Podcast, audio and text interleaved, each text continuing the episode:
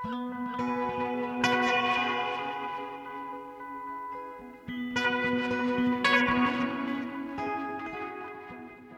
og sæl kæri hlustendur, við sjá er komin í loftið 5. daginn 5. janúar. Hér sitja við hljóðnumanna Guðni Tómasson og Halla Harðardóttir. Í þetta dagsins er nýtt íslenskt leikverk, tónlist frumbyggja í Kanada og prentaraverkvall. Samskipti barna og fullorðina sem og feluleikurinn sem ofta á sér stað í fjölskyldum er eitthvað sem hefur lengi verið sviðshöfundunum Bryndísi Ósk Ingvarsdóttur hugleikin. Bryndís frumsýnur um helgina nýtt leikverk í borgarleikusinu, Kvíta tígristyrið.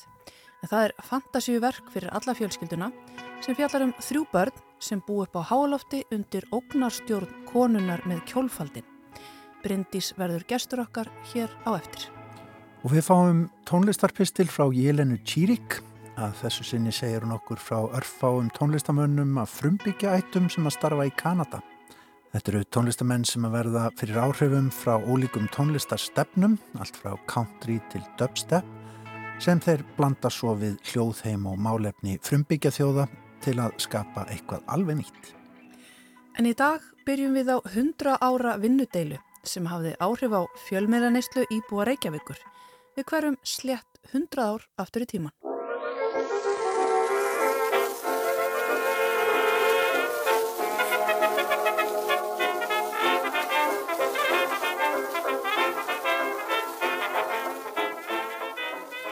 Á þessum degi fyrir nákvæmlega 100 árum, 5. janúar, sem var reyndar förstu dagur en ekki 5. dagur eins og nú, var í morgunblæðinu tilkynnt um prentarverkfall sem skolli var á þá um áramótin í prentsmiðum Reykjavíkur en þá bygguði eitthvað rétt yfir 20.000 manns í höfustað þessa unga fullvaldaríkis.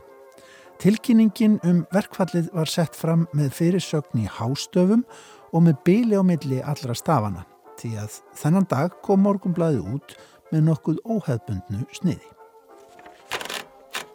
Hér í bænum hefur verið prentarverkfall frá byrjun ásins.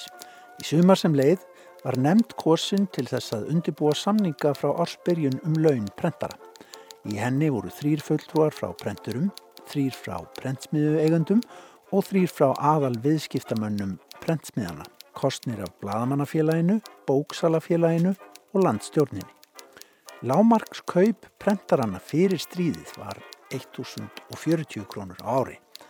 Nemndarmönnum kom saman um að það hefði verið of látt en þar sem prentarar hafðu farið fram á það 1914 að fá kaupið hækkað um 33% lagði nemndarhluti viðskiptamanna það til að til grundvallar er þið lagt 1400 krónu lámarkskaup fyrir stríð. Nemndarhluti prentsmiðju eiganda var þessu samþykkur. Frá hálfu prentara var lögð fram ídarleg og sundurliðu kostnæðar áallun um framfæslu heimilis með fimmannafjölskyldu og heldur þeir fram að kaupið ætti samkvæmt henni að vera 5.413 krónur og 90 örar en það svarar til 1800 króna árskaups 1914. Prentsmiðu eigendur heldur nú við áramótin fram 1400 króna grundvellinum og verður þá lámarkskaupið 4.214 krónur. Síðastliðið ár hafðu prentarar 5.200 króna lámarkskaup. Nú krefjast prentarar sama kaups og síðastliðið ár en prentsmiðu eigendur halda fram 19% lækun. Nokkrar aðrar breytingar á áður gildandi samningum hafa komið fram frá báðum aðilum en þær skipta síður máli. Tilvinni líkur. Já, það var sem sagt allt stál í stál þarna um áramóti 1914 til 23 í prentaraverkvallinu og þá hófst einhver þekktasta vinnudeila 20. aldarinnar. 19% lækkun fjall skiljanlega ekki vel í kramið hjá prenturum. Og vinnudeilan kom fram í því hvernig blöðin í Reykjavík voru framsett. Þau voru nefnilega velreituð um nokkurt skeið, svo kallaður fregnmiðar bladana. Grípum aftur niður í morgumblæði þennan dag fyrir hundrað árum. Morgumblæðið og verkvallið. Vegna þess að verið getur að nokkur byðverði á að samkominlega náist millir prentara og prentsmiðju eiganda hefur morgumblaði ákveðið að gefa út framvegis velritað smáblað er engum mun flytja helstu fréttir útlendar og innlendar. Verður blað þetta sendt öllum kaupendum morgumblaðsins og auk þess verður það til sölu á gödunum. Auglýsingar sem ekki þóla byð mun blaðið flytja, svo sem um samkomur, siglingar og þess aftar ber mönnum að snúa sér til auglýsingastjóra morgumblaðsins þeim við víkjandi. Þeir sem afhent hafa auglýsingar á skrifstofu blaðsins undanfarnar daga eru beðnir að gera auglýsingastjóranum aðvart um hvort þeir óski að þær séu byrtar strax eða verði látnar býða þanga til útgáfa blaðsins kemst í rétt horf aftur.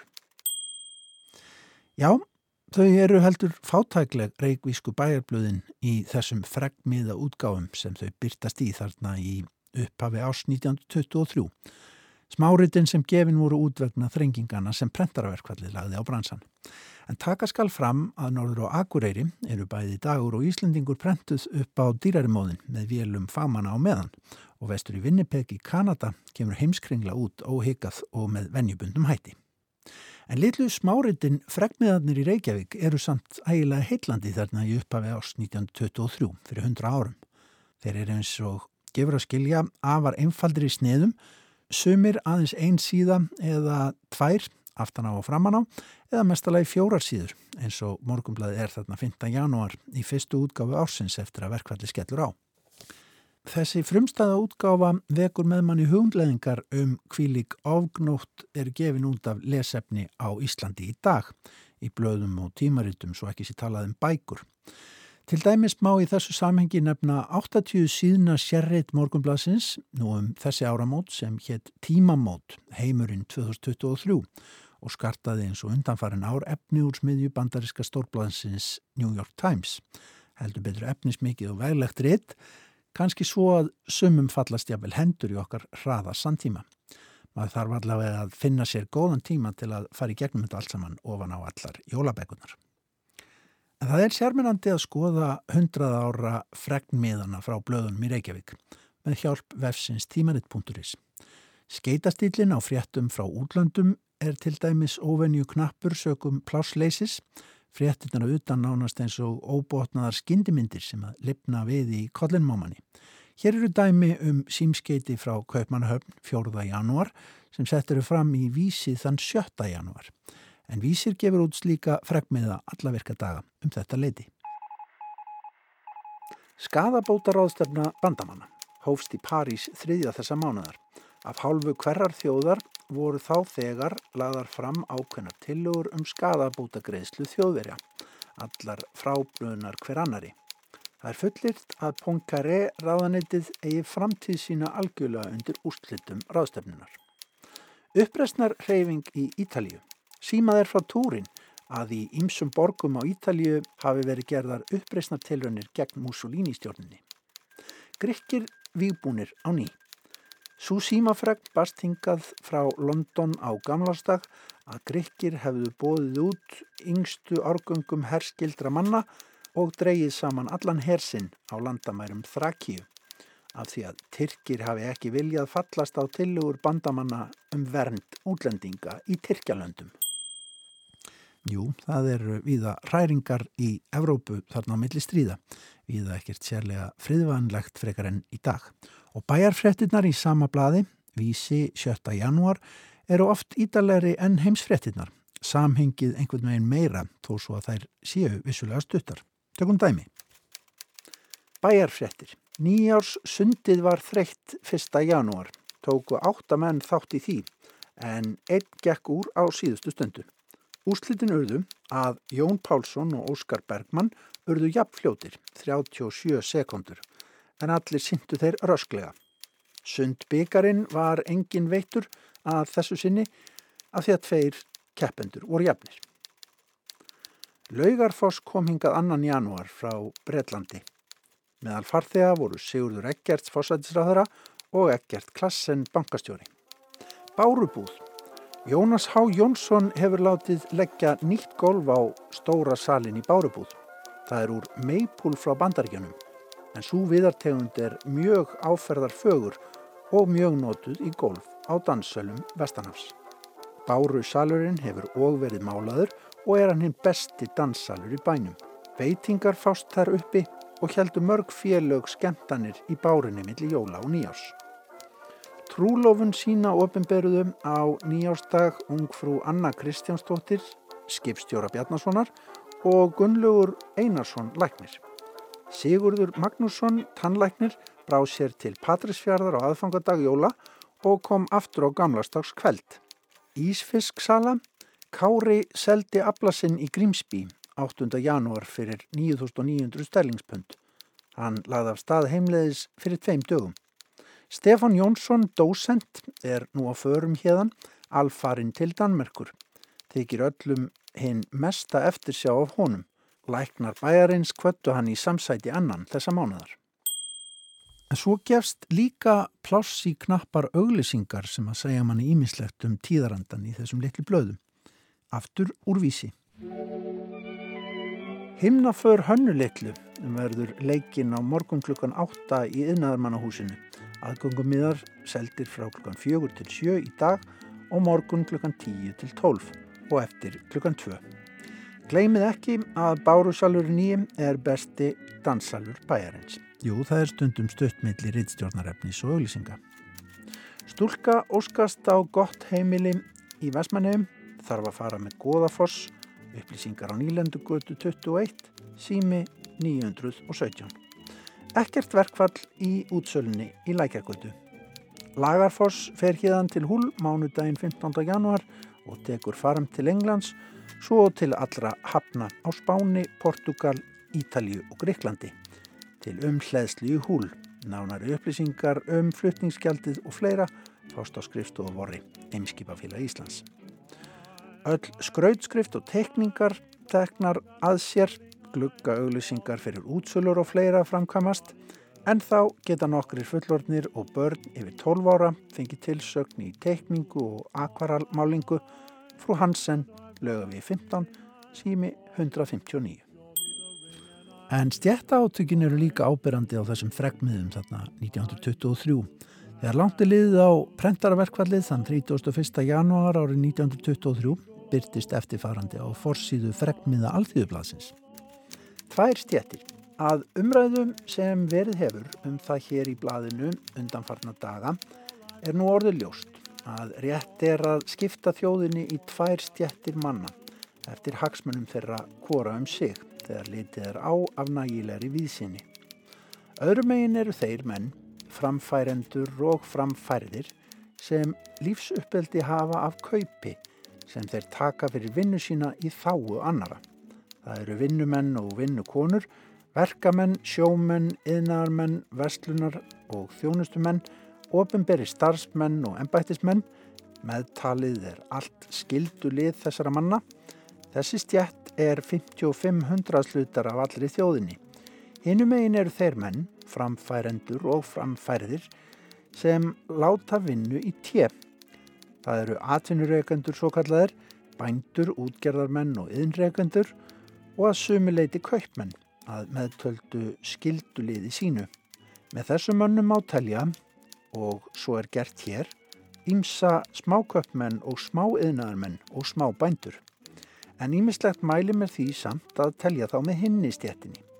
Allt um það verður ekki í þessari atvinnureikanda stjett nema í mestalagi 45 hundraðslutar þjóðarinnar eða greinilegur minnihluti. Samt er svo að stjórnmála aðtapnir með þjóðinni eru yfirleitt miðaðar við hagsmunni þessarar minnihluta stjettar. Stafar af því að hún er yfirleitt auðúri. Hún er auðvalds stjettin. Flestir af þeim sem fást við stjórnunarstörf eru úr þeirri stjætt sem fylgja henni eða verða að fylgja henni ef þeir eiga að fá að vinna störfin. Þess vegna verður þjóðskipulagið auðvalds skipulag. Hinstjættin er yfirleitt fátakari menn, egna litlir eða egna lausir, öregar yfir höfuð, ráða engu eða til tvila mjög litlu um stjórn ríkisins. En þeir eru þó meiri hlutin. Þess vegna mega þeir ekki láta viðgangast að ekki sé fullt tillit tekið til þeirra einnig og hagsmuna þeirra í ráðstöfunum þings og stjórnar. Þeir verða að heimta að stjórn og þing vaki engu síður nema fremur sé yfir velferð þeirra en hinna. Ríkistjórn og alþingi eru skildug að taka í ráðstöfunum sínum meira en að hálfuleiti tillit til þeirra manna sem eiga lífsitt undir launa kjörum.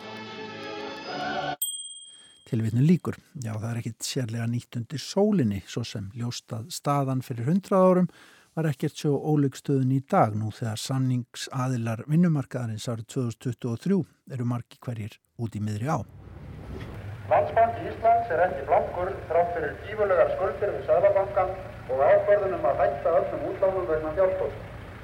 Í gær sátti bankinum lóðum til nýtt bankahús í nýja miðbænum og er ætlaninn að reysa það 1500 fermetra hús sem rúma getur höfustöðar bankan. Já, hér heyrum við síðan hljóðmynd úr allt öðru prentarverkvalli árið 1985 þegar hárauður bíl á vegum þjóðviljans kerði um stræti Reykjavíkur og básunaði fréttir yfir vegfærendur. Önnur blöð beittu því frekar að prenta vegspjöld og hengja upp um bæin. En að prentarverkvallinu árið 1923 er það helst að segja að það varð langvind. Það stóð frá 1. janúar til 15. februar og var þá búið að þurr auðsa alla sjóði prentarafélagsins og líka styrki frá erlendum starfsbræðurum prentara erlendis. Að lokum fjallu steilu aðilar á miðlunatilluðu frá dónsbálaráð þeirra og var þá í fyrsta sinn tekið mið af vísutölu framfæslukostnaðar eða verðstöðli eins og það var þá kallað við launansetningu og slíkvísindi þóttu þá nokkur tíðindi í kjaradeilum. En eftir deiluna 1923 standa þessir litlu sjármennandi fregmiðar úr prentaraverkvallinu fyrir 100 árum, tökum að lokum nokkrar smáfréttir úr tímanum sem stundum var nokkuð meiri landsbyðar blær yfir en hreinrættuðu bæjarblöðunum, en tíminn kom líka út í fregmiðastílum þetta leiti. Matreðslunámskeið heldur bandala ungmennafélagana á vestfjörðum á núpi í dýrafyrði. Er hefst eftir páska og stendur í 5-6 vikur.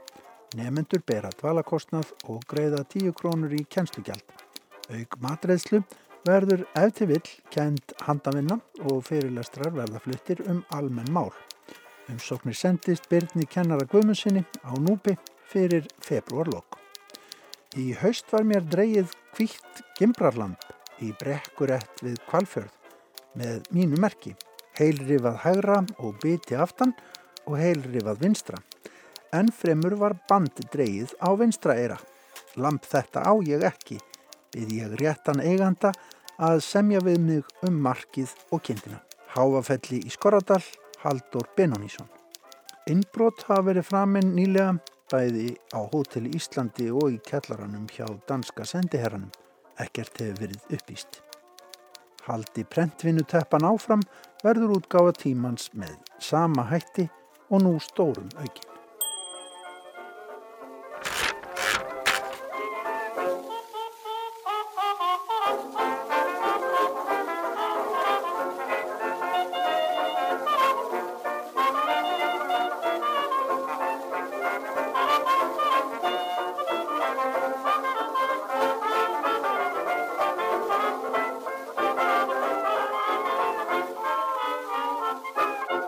Nokkri léttir taktar af tónlist frá því milli stríða.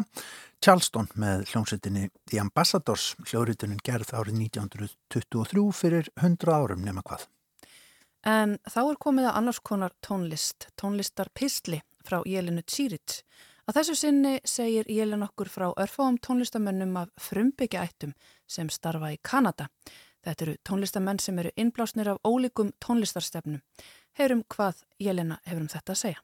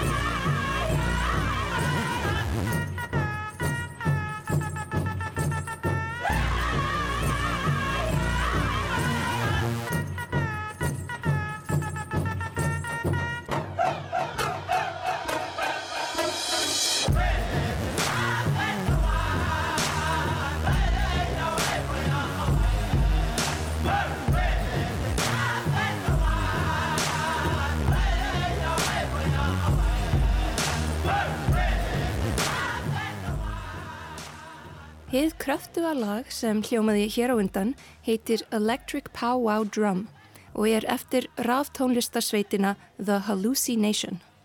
Hljómsveitin vefur saman hip-hop, dubstep og tónlist frumbyggja frá Norður Ameríku í einstakri og frumlegri blöndu sem hefur hlotið nafnið Pow Wow Step.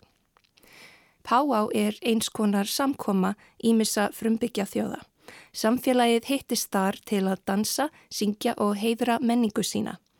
Hljómsveitin The Hallucination var stopnuð af þremur plötusnúðum sem vildu skipulegja slíkar samkomur fyrir ungmenni af frumbyggja ættum í Ottawa, höfudborg Kanada. Þeir völdu næturklubin Babylon og fyrsti viðbörðurinn var haldinn þar árið 2007 undir nafninu Electric Powwow. Thomas Aaron Ramon, betur þekktur sem Bear Witness, er einn af stopnendum The Hallucination. Í viðtali sagði hann að þessi ungmenna yfirtaka á næturklúpi í Ottawa væri í rauninni pólitísk aðhöfn. Sem frumbyggjar, útskyrði hann, er allt sem við gerum pólitísk. Í þessum pisli ætla ég að kynna fyrir ykkur, kæru hlustendur, urfáa tónlistarmenn af frumbyggja ættum sem fætust í Kanada en það er ekki vist að þeir myndu allir kalla sig kanadamenn því þjóðir þeirra eru mörg þúsund árum eldri en kanadíska ríkið. En tónlistarmenn af frumbyggjaættum í Kanada hafa oft tekið tónlistarstefnun nýlendunar og skapað eitthvað nýtt úr þeim. Og áður en dubstep varð powwow step í Ottawa, þá varð country tónlist að inuita tónlist í Nunavut héradi í norður Kanada.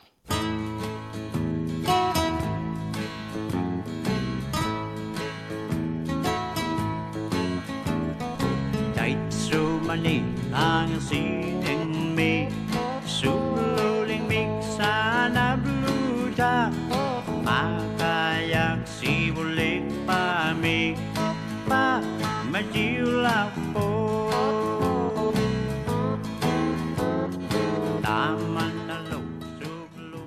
Charlie Panigoniak sem flutti hér lagið Makajak var einna fyrstu tónlistarmönnunum til að semja, flytja og taka upp nútíma lög á Inuktitut, einu af aðal tungumálum Inuita í norður Kanada.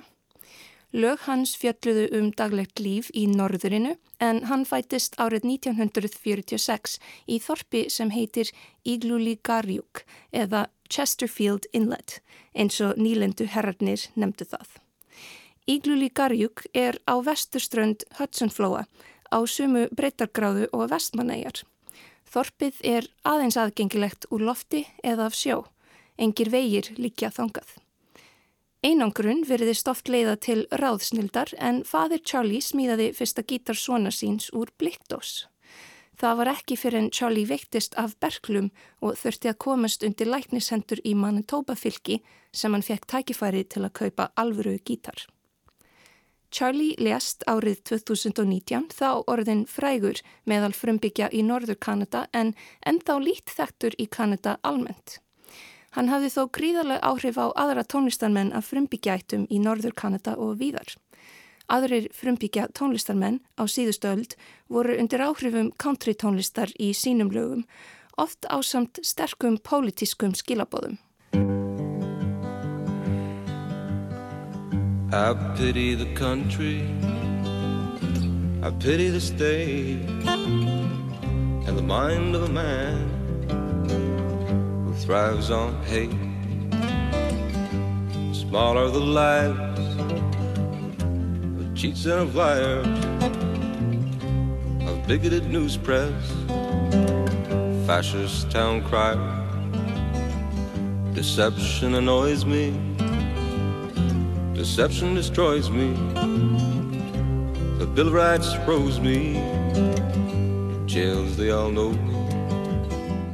Frustrated archer. I Pity the Country, gefið út árið 1971, varð frægasta lag Willie's Done, tónlistarmanns frá Montreal af Mi'kmaq, írskum og skoskum ættum.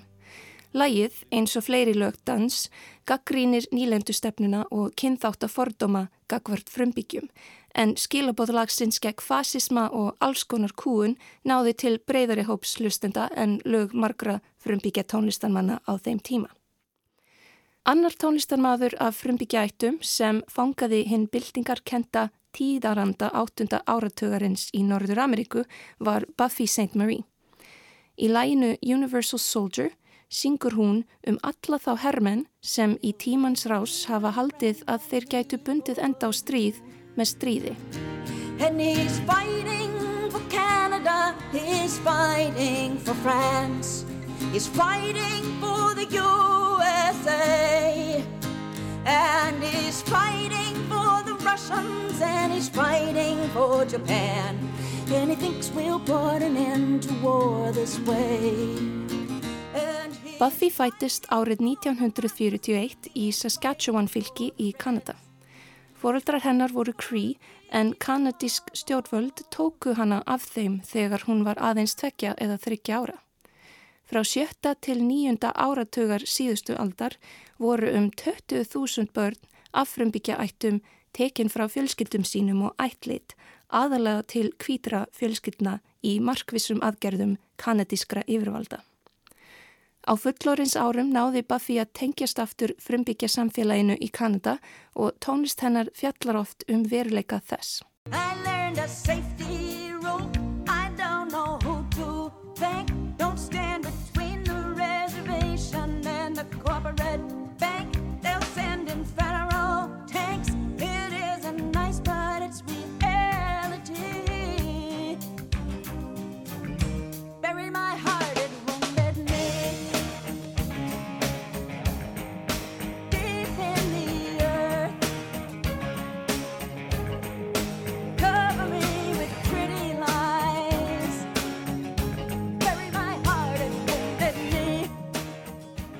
Frumbyggja tónlistarmenn af yngri kynnslóðum fjalla einnig um málefni frumbyggja í tónlistinni en þeir eru líka að blanda eiginleikum frumbyggja tónlistar inn í hljóð heim þeirra. Þar á meðal hljóðfærum og söng sinna þjóða. Gott dæmi er tónlistarkonan Tanja Tagak sem beitir hálsa söngtækni ínúita í sinni tónlist. Útkoman er heldur betur nýstárleg.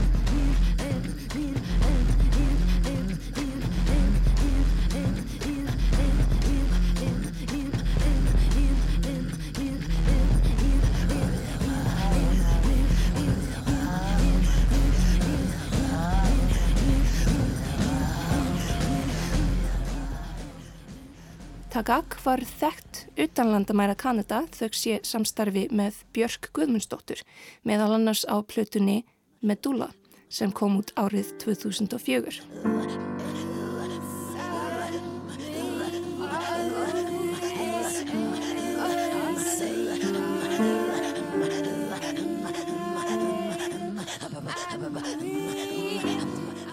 Fleiri tónlistarmenn af frumbyggja ættum semja einnig og syngja á frumbyggja tungumálum eins og tónlistarkonan Elisa P. Isaac sem eins og Tagak er af Inuita ættum.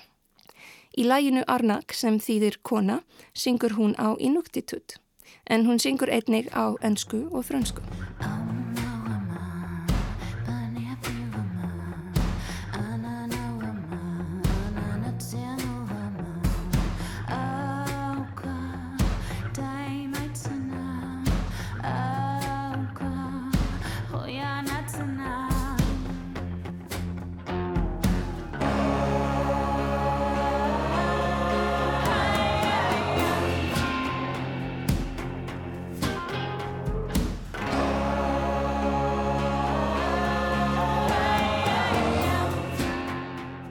Tónlistanmenn af frumbyggja ættum sitja svo sannlega ekki auðum höndum þessa dagana í Kanada en einn af þeim er tenorsöngvarinn og tónskaldið Jeremy Dutcher sem hefur klassiska mentun úr þerri vestrætni sönghefð sem við þekkjum vel en er einnig mentaður í sönghefð þjóðarsinnar Malisít.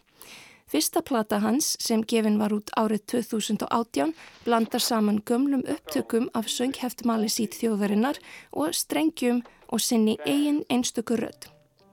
Ég enda þennan pistil á lægi frá þerri plötu sem heitir Sakoma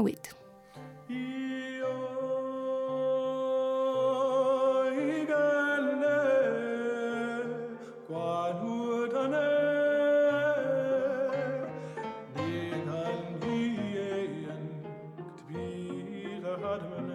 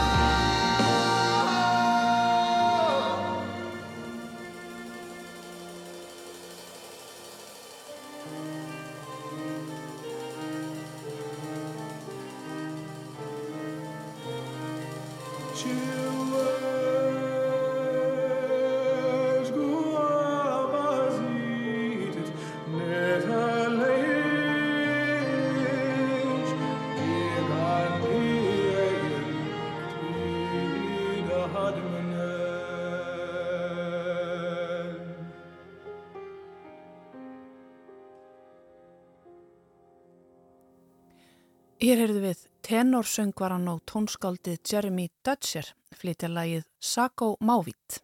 Hann er, líkt og Jelena Tsirits saði hér frá, mentaður í klassíski sönghefð Vesturlanda en einnið í sönghefð þjóðasinnar, Malesít. Þetta var síðasti pistil Jelenu í byli og við þakkum henni kærlega fyrir samfélgina. En þá er komið að nýju íslensku leikverki.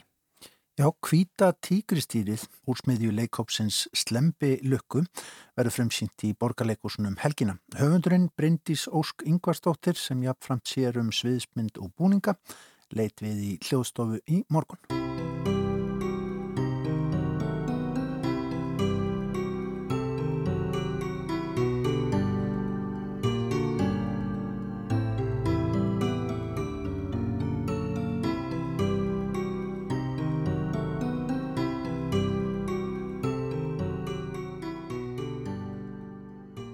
Hvítatíkristrið fjallar um uh, þrjú börn sem búa á háalofti og hafa búið þar bara óendanlega lengi og uh, þau eru með forraða mann sem heitir konan með kjólfaldin uh, og hún var svo þver og þrjósk að hún stappaði svo fast í gólfið að hún festist við gólfið haldaði.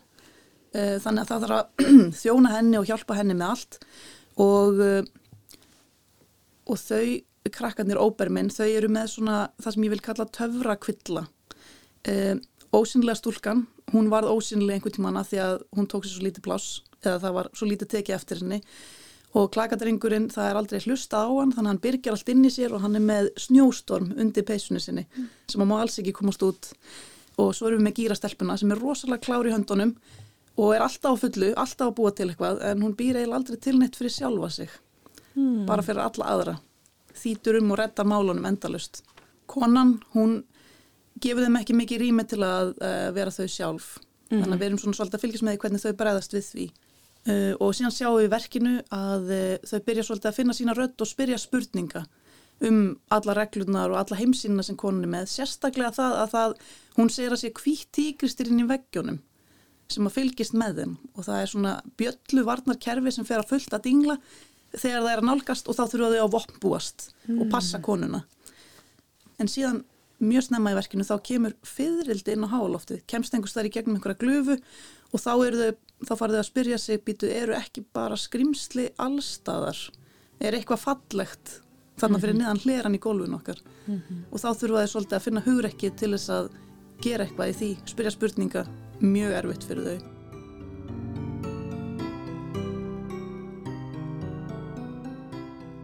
Ég heyrði að þú kallaðir börnin óberminn Já það er svona, það er krútlegt en svolítið niðrandi Já. svolítið svona eins og konan talar við þau hún mm. elskar þau en hún verðist ekki kunna að sína það og, og hún finnur alltaf eitthvað aðöllu mm -hmm.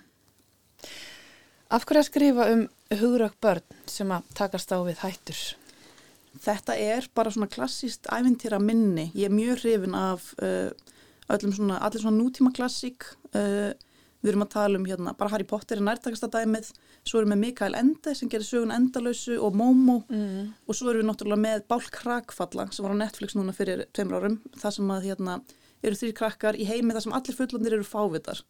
Og þau þurfa bara einhvern veginn að fóta sér í þeim heimi og reyna að standa með sjálfur sér sem er mjög gott svona um, góð líking fyrir það bara að fullotnast mm. ég, er mjög, ég er mjög hrifin af því að fjalla um að fullotnast og læra eitthvað nýtt og finna sig og finna sína rödd og um, Einmitt, ég heyrðast að nota þessi það er aðeins einhver klassísk minni. Mm -hmm, við erum með þess að heilu, heilu þrenning í krökkunum mm.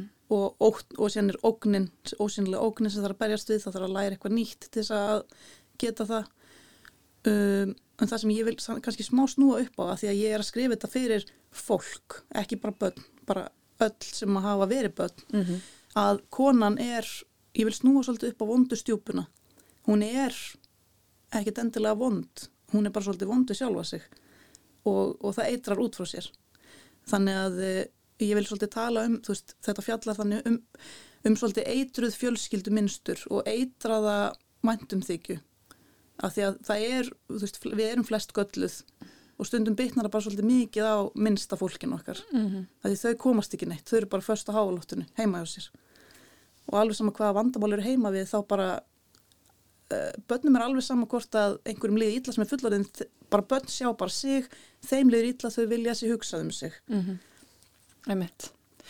Er þetta saga sem hefur blunda lengi í þér eða? Já, alveg bara hérna, alveg svona fjögur ár og jáfnvel fyrir það sko.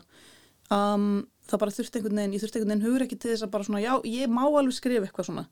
Uh, ég sérst kemur sviðsöndunum og uh, sviðsöndabraut í listafaskólanum og hef einbætt mér mikið að því að leikstýra og búa til svona samsköpunarverk og gera leikmyndir og búninga. Uh, og þá einhvern veginn finnst maður eins og maður sem búin að flokka sér í boks en síðan fattaði ég að ég las alltaf mjög mikið sem krakki og get alveg sagt sögur. Þannig að þetta er svona einhver svona kvenli hóvar sem að stoppar mann stoppar konu í að hérna ég bara setjast niður og skrifa Einmitt. en mér finnst mjög gott hérna það sem Phoebe Waller-Bridge segir sem að gerði Fleabag mm -hmm. að hún hérna talar um uh, bara settu eitthvað á blað þá ertu komið eitthvað til þess að breyta og laga Þann... Hvað byrjar að setja á blað? Ég byrja bara að setja á blað uh, uh, einræðu frá konunni um hvita tíkristýri sem hún er svo hrættu í veggjónum mm -hmm. og það, það svona ítti svolítið áfram uh, góðsögn í heiminum með þetta tíkristýri sem vomir yfir öllu og, engin veit alveg hvort það er til eða ekki mm -hmm.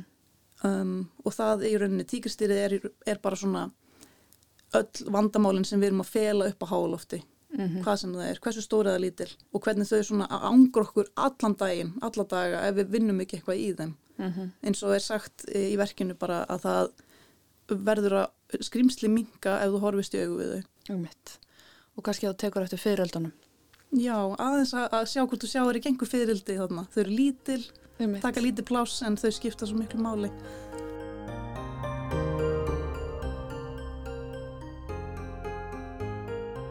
Eins og þú segir, þá hefur unni lengi í leikúsinu mm -hmm. og oftast í svona samsköpunarverkum. Mm -hmm. Þetta er eh, leikópurinn Slembilöka sem að þú ert partur af. Eh, er þetta ekki fyrsta sinn sem að þú sagt, ert höfundur verks líka? Er þetta ekki fyrsta verkið þitt? Jú, sem að ég get bara tilla mig fyrir uh, að því að ég er svo opbúslega hrifin að samvinnu og að hópurinn eigi hlutina saman. Mm -hmm. Þá er þetta svona, hérna, já, þá er þetta mjög svona áhugavert að prófa þetta að, uh, að eiga bara svona heilan heim inn í mér sem að er ekki hægt að sko að krukka í alveg í grunninn en auðvitað hef, hefur Guðmundur Felixson leikstörn fengið mjög mikið rými til þess að gera mm. allt sem hann langar uh, innan ramman sem ég er búin að skapa í heiminum. Og ég gerir þess að leikmynd og búninga þannig ég er búin að gefa svolítið sögusviðið. Mm -hmm. þannig ég er rauninni bara ég er búin að byggja háloftið og svo getur hann og leikarnir og tónskaldið leikið sér inn á því. Emitt. og ég treysti þeim fullkomlega fyrir það. Ég er alveg bara, þau bara er að gera þetta svo fallega. Þeir eru vunið að vinna saman. Já, við höfum unnið á þau saman ég og, Gummi og, og flest í hópnum í útskriftaverkefninu mínu sem var í svipuðum dúr sem hétt Maskinan og uh, það var einmitt um uh, tvo krakka sem að hérna eru bara í, búin að búa eilífu saman og síðan áttu þessu allt í náði að þau eru ósamála um eitthvað og þá verður allt frekar erfitt og það er aftur líka um að fullotnast eða breytast og sætta sig við að fólki í kringum mann gæti uh, skilið, gæti, leiðir gætu skilið. Mm -hmm. Þú greinlega strax fundið þinn tón þarna bara í útskjöðverkinu. Já, ég veit ekki. Það sem heitlaði mig svo mikið var ég fór í skiptunum til Englands og þar má gera fantasíu fyrir fullotna. Mér finnst ekki vera mikið búið að gera það á Íslandi. Mm. Þú veist, við höfum fengið dót sem er flokkað fyrir alla fjölskyldunum. Við höfum fengið hérna blá nöttin, við höfum fengið blíðfinn uh, og mattildi og, uh, og það er svona það helsta sem ég hef hort til. Og ég horfði reynda líka til uh, Stríherða Péturs sem var fullorðins ævintýraverk, ruslópera með Tiger mm -hmm. Lilies og það var svona, þá voru ævintýra element nema gert fyrir fullorna og þá kveiknaði eitthvað svona, já, við viljum öll heyra ævintýri og líka því ég er að þúsaldakynnsluna þá öðlustu uppi það að, að eh, Lord of the eh, Ringadróttinsaga kemst í tísku aftur, Harry Potter fyrir mm. fullt flug, eh, ævintýramyndir með þess að ofurhetjum fara á stað, þetta er allt svona í mínum uppvexti, mm -hmm. þannig að mín kynnslóð er kannski opnari fyrir ævintýrum og, og svona barninni sjálfum sér, Já. heldur en fyrir kynnslóðir Einmitt. Geti verið. Mm En hvað finnst þér að svona verk sem höfða bæði til barna og fullorðina og fullorðina þurfa að hafa? Svona verk þarf að hafa um, ævintaraverk sem að á að höfða til allra aldurshópa þarf að hafa uh, eitthvað spennandi fyrir þessi minnstu og það þarf líka að hafa uh, dýftina. Þú þarfst að þekka karakterina alveg, þeir þurfa að vera sannir og þeir þurfa að við þurfum að vita hver þau eru og hvað þau vilja og síðan það mikilvægast fyrir mér er rauninni bara tákfræðin og alla myndlíkingarnar. Það er allt alveg tróðfullt af, af líkingum. Eins og til dæmis bara hvíta tíkristýrið, ég valdi það sem skrimsli vegna þess að hvít tíkristýr eru þannig séð ekki til.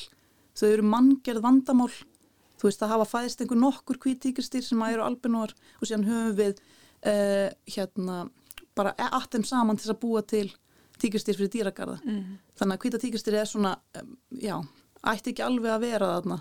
Nei, Það ætti bara að vera einhver stórið í náttúrun og við myndum aldrei vera, þú veist, taka það inn í dýragarða. Einmitt. Þannig að það er til dæmis eitt sem, mm Mhm.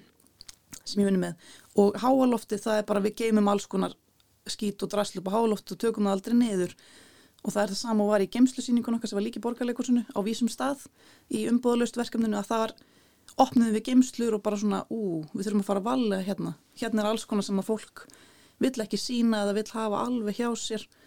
Þannig að þetta er svona mérst feluleikurinn í fjölskyldum ofbúslega áhugaverður og íslenska þöggunin um hvernig er heima hjá þér er svo, hún angrar mig. Heldur það að sé eitthvað sér íslenskt? Það gæti verið að því við þekkjum stöld svo vel þá þurfum við bara að brosa ennþá breyðar í bónus þegar við hittumst og segjum allt sé góðu. Kanski. Mm.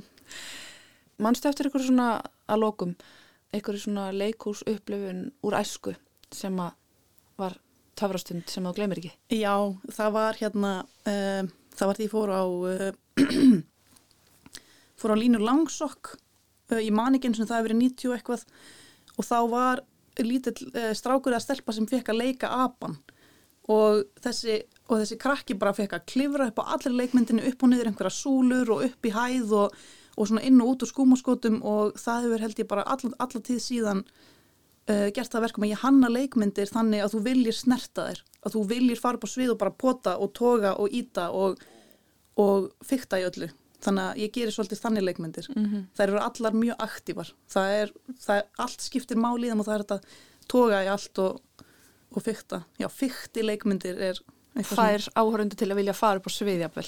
sem, já, og bara Skoða, ég er, já, ég er svo hrifin af hlutum. Bryndís Ósk Ingvarsdóttir, takk innilega fyrir komuna til hamingi með hvíta tíkristyrið og bara tói tói á lögadag. Takk kærlega fyrir